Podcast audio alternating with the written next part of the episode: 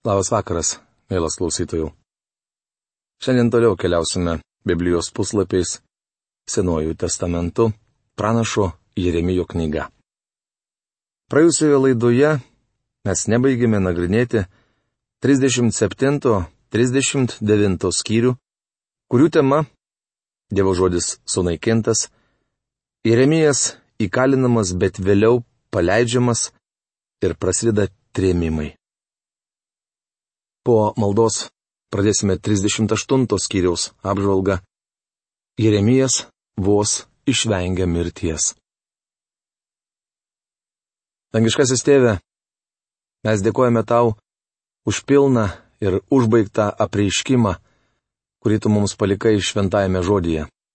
Ačiū tau, kad šita knyga yra visa užbaigta ir mums nereikia išeiti už ribų to, kas parašyta. Dėkojame tau, kad tik tai iš tavęs ateinančia dvasia, šventąją dvasia, mes galime būti įvesti į tiesos pilnatvę. Ir dėkojame tau už pranašą, kuris kalbėjo tavo žodžius taip pat kakliai ir kantriai. Mes melžiame tavęs Dievę, kad tu padėtum mums suprasti tą žmonijos istorijos tarpsnį, suprasti tavo dvasios balsą, kuriuo tu prabilai į tuometinius žmonės ir padėtų mums viešpatė pasikeisti savo mąstymę, bei padaryti be galo svarbius sprendimus kiekvienam savo gyvenime. Dėkojame tau už tai, kad galime suprasti tave, tavo padedami. Viešpatės Jėzaus vardu to melžiame. Amen. Dabar skaitysime 38 šios knygos skyrių. Kaip prisimenate, Jeremijas vis dar įkalintas sargybos kiemo būste. Nors jam pačiam grėsia pavojus, jis ištikimai skelbė savo tautai Dievo žodį. Judo didžiūnai laikė pranašą savo šalies išdaviku ir tvirtino, kad jis demoralizuoja tautą. Karaliui leidus jie nusprendė nutildyti Jeremiją ir įmesti jį į vandens talpyklą. Jie paėmė Jeremiją ir įmetė į karaliaus sunaus Malkijo vandens talpyklą, buvusią sargybos kieme, nuleisdami virvėmis į dugną. Talpykloje vandens nebuvo, tik dumblas. Jeremijas įklimpo į dumblą. Jeremijo knygos 38 skyriaus 6 eilutė. Nuo 7 iki 13 eilutės rašoma, kad Dievas neapleido savo pranašo ir siuntė jam pagalbą. Jo išlaisvinimo istorija iš tiesų jaudinanti, tikiuosi, kad atidžiai ją perskaitysite.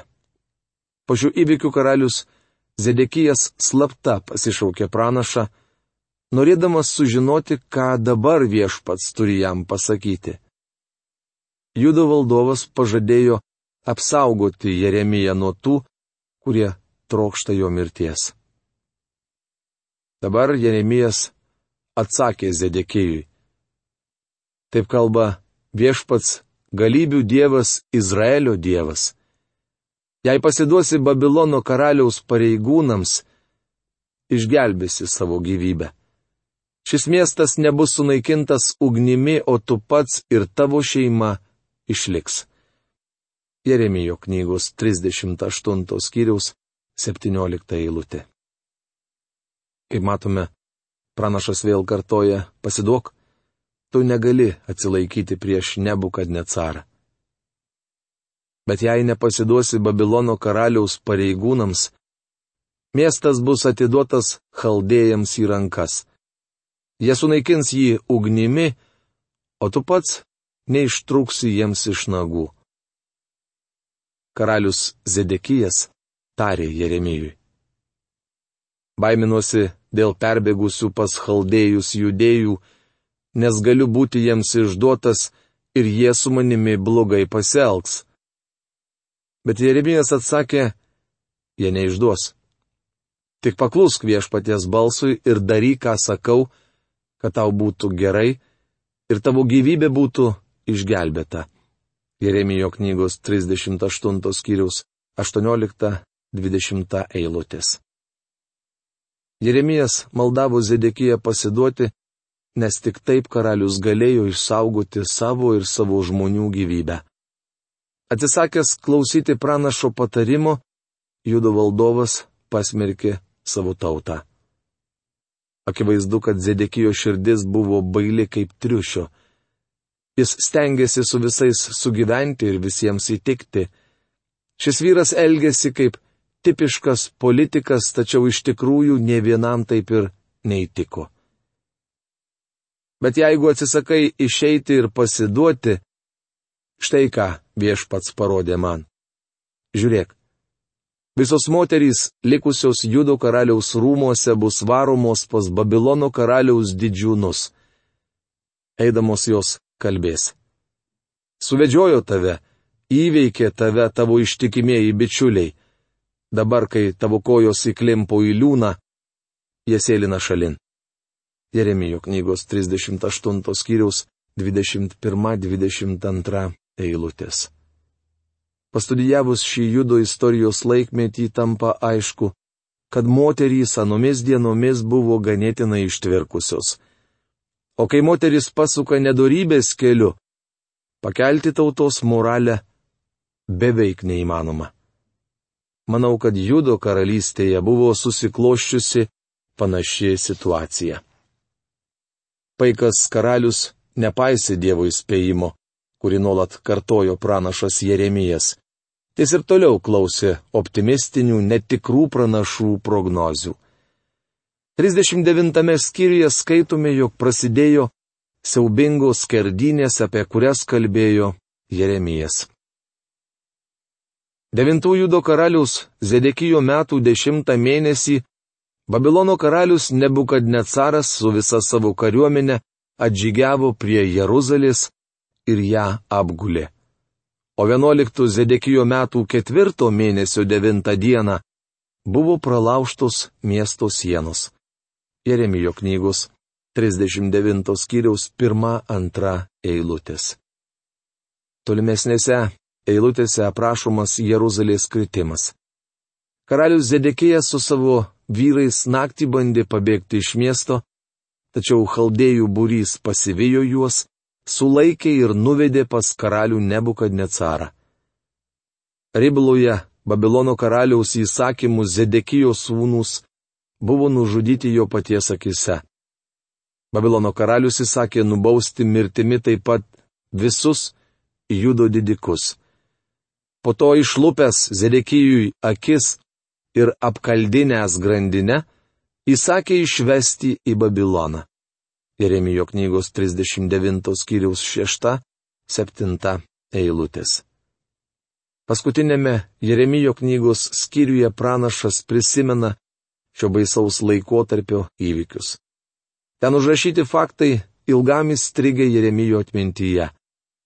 Paskutinėme skyriuje jis vėl paminė tai, kad Babilono karalius išžudė Zedekijos sūnus jo akise, o vėliau išlupo jam akis priešas išlaisvina Jeremiją. Įdomu pastebėti, kad Nebugad-Necaras liepė savo žmonėms paleisti Jeremiją iš kalėjimų ir gerai su juo elgtis. Surask ir gerai jį prižiūrėk. Nedaryk jam nieko piktą, bet elkis su juo, kaip jis pageidaus. Jeremijo knygos 39 skyriaus 12 eilutė. Dievas vis dar rūpinosi savo ištikimų pranašų. Taigi karaliaus asmens sargybos vadas Nebuzaradanas drauge su Rapsariu Nebušas Banu, Rabmagu, Nergal Saraceru ir visais Babilono karaliaus didikais pasiuntė žmonių, įsakydami paimti Jeremiją iš sargybos kiemo būsto. O šie patikėjo Šafano sunaus Ahikamo sūnui Gedalyjui gražinti jį namo. Taip jis liko tarp savo tautiečių. Jeremijo knygos 39 skyriaus 13-14 eilutės. Taip prasideda laikotarpis, kurį mūsų viešpats pavadino pagonių laikais. Evangelijos pagal Luką 21 skyriaus 24 eilutėje skaitome užrašytus jo žodžius. o Jeruzalė mindžiaus pagonys, kol baigsis pagonių laikai. Kaip žinote, pagonys ir šiandien tebe mindžioja Jeruzalę. Jie tebe kontroliuoja šventas to krašto vietas. Žydams priklauso tik raudų siena, prie kurios jie renkasi raudoti. Viešpaties Jėzaus žodžiai aktualūs ir šiandien. Mūsų karto žmonėms Dievo teismas nesuvokiamas. Jiems sunku įsivaizduoti, kad Dievas gali teisti tautą, šeimą ar atskirą žmogų. Jeremijas Jagvė žodis skelbė 40 metų. Jis smerkė savo tautos nuodėmės ir ragino ją atsiversti. Kadangi Dievas judo gyventojams buvo nepaprastai kantrus, dėl to jie ir apsigavo. Netikri pranašai galėjo postringauti. Matote, Jeremijo žodžiai neįsipildė. Tačiau dabar jie išsipildo ir vėlų ką nors keisti. Dievas kantrus tautoms. Jis leidžia tautai eiti savo keliu, kol ji prieina aklavietę ir joks vaistas nebegali pagelbėti. Judo karalystė yra puikus Dievo kantrybės pavyzdys. Per Jeremiją Dievas iki paskutinės akimirkos ragino šią tautą atsiversti. Tačiau Judas atstumė Dievą ir galiausiai nebukadnecaras sulygino Jeruzalę su žeme. Niekam nepatinka klausytis žinios apie Dievo teismą. Žmonėms sunku įsivaizduoti, kad Dievas gali supykti. Kai kas teigia, kad Senajame testamente aprašomas rūstus, o Naujajame testamente mylintis Dievas. Patikėkite apie dievišką įniršį ir pyktį daugiau kalbama ne Senajame, o Naujajame testamente.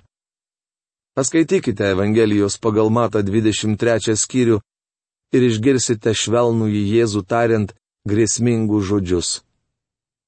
Vargas jums, veidmainiai rašto aiškintojai ir fariziejai.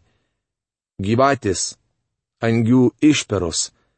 Kaip jūs ištrūksite nuo pasmerkimo į pragarą? Tai Evangelijos pagal Mata 23 skyrius 29 ir 33 eilutės. Taip pat paskaitykite apreiškimo knygą, kurioje rašoma, kaip vienas po kito išpilami Dievo rūstybės dubenys.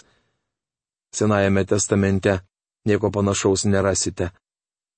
Nesakykite, kad Senajame testamente aprašomas piktas Dievas, o naujajame mylintis. Jis visuomet buvo ir yra kartu meilis ir rūstybės Dievas. Jis baudžia nuodėmę. Dievo bausmė ir jo gailestingumas visada šalia. Jo sostas tai malonės sostas, nuo kurio mums ateina gailestingumas ir pagalba. Tačiau vieną dieną nuo to paties sostų žemėje bus skelbiamas teismo nuosprendis. Šio laikiniam žmogui labai sunku tai suprasti. Dievo dėsniai neatšaukiami, o teismas yra bausmė už jų sulaužimą. Nors gyvenimo kasdienybėje šis principas akivaizdus, moralės ir dvasinėje srityse daugeliu žmonių jis paprasčiausiai nesuvokiamas. Jei nesutinkate su manimi, siūlyčiau užlipti ant stačios aukštos uolos. Turbūt nereikia aiškinti, kas atsitiks, jei žengsite žingsnį nuo jos krašto, ketindami pasivaikščioti orų. Gamtoje vyrauja nepakeičiami dėsniai. Jei taikysitės prie jų, galbūt liksite gyvi, jei ne, mirtis garantuota.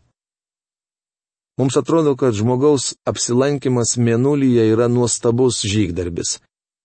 Tai iš tiesų reikšmingas įvykis.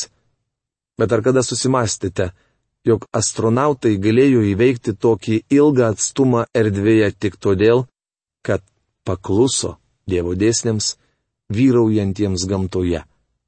Kitaip tariant, jie nedryso jų sulaužyti. Keldama nuo Žemės raketa taikė ne į mėnulį, bet į tą vietą, kur jis bus, astronautams įveikus atstumą tarp Žemės ir Mėnulio. Jie tiksliai žinojo, kur bus Mėnulis, kai jį pasieks, nes šioje visatoje viskas juda pagal tam tikrus dėsnius. Jei astronautai būtų nepaisę visatos judėjimo dėsnių, jie būtų pasiklydę atviroje erdvėje ir gavę ten galą. Studijuodami žmonijos istoriją mes galime daug ko išmokti. Mums tai reikia sugrįžti laiko koridoriumi į praeitį ir pažvelgti į pelenų ir griuvėsių krūvas. Tai viskas, kas liko iš didžiųjų pasaulio civilizacijų. Tikriausiai jums įdomu, ką tai liudyja. Ogi tai, kad Jahvė yra keršto, bausmės ir teismų dievas. Tautos, palikusios aukštus idealus ir aukštą moralę, smuko ir buvo priverstos nulipti nuo žmonijos istorijos piedestalo. Manau, kad mano šalies intelektualams laikas pažvelgti į istoriją tiesos akimis ir pripažinti, kad pasaulio įvykius lemia Dievas. Žinau, kad dėl tokių kalbų daugelis palaikys mane siaurų pažiūrų žmogumi. Tačiau tai manęs negazdina, nes Jeremija jo amžininkai taip pat laikė siaurą pročių. Šiandien mes aiškiai matome, kad karalius Zedekijas buvo bukagalvis, o dievų netikėję intelektualai, rafinuoto mąstymo žmonės buvo paprasčiausi kvailiai. Aš sutinku būti vadinamas intelekto priešu, nes tokiu būdu esu priskiriamas prie labai geros kompanijos. Nori būti kaip Jeremijas. Žmogus, kuris tiesiog tikėjo Dievu.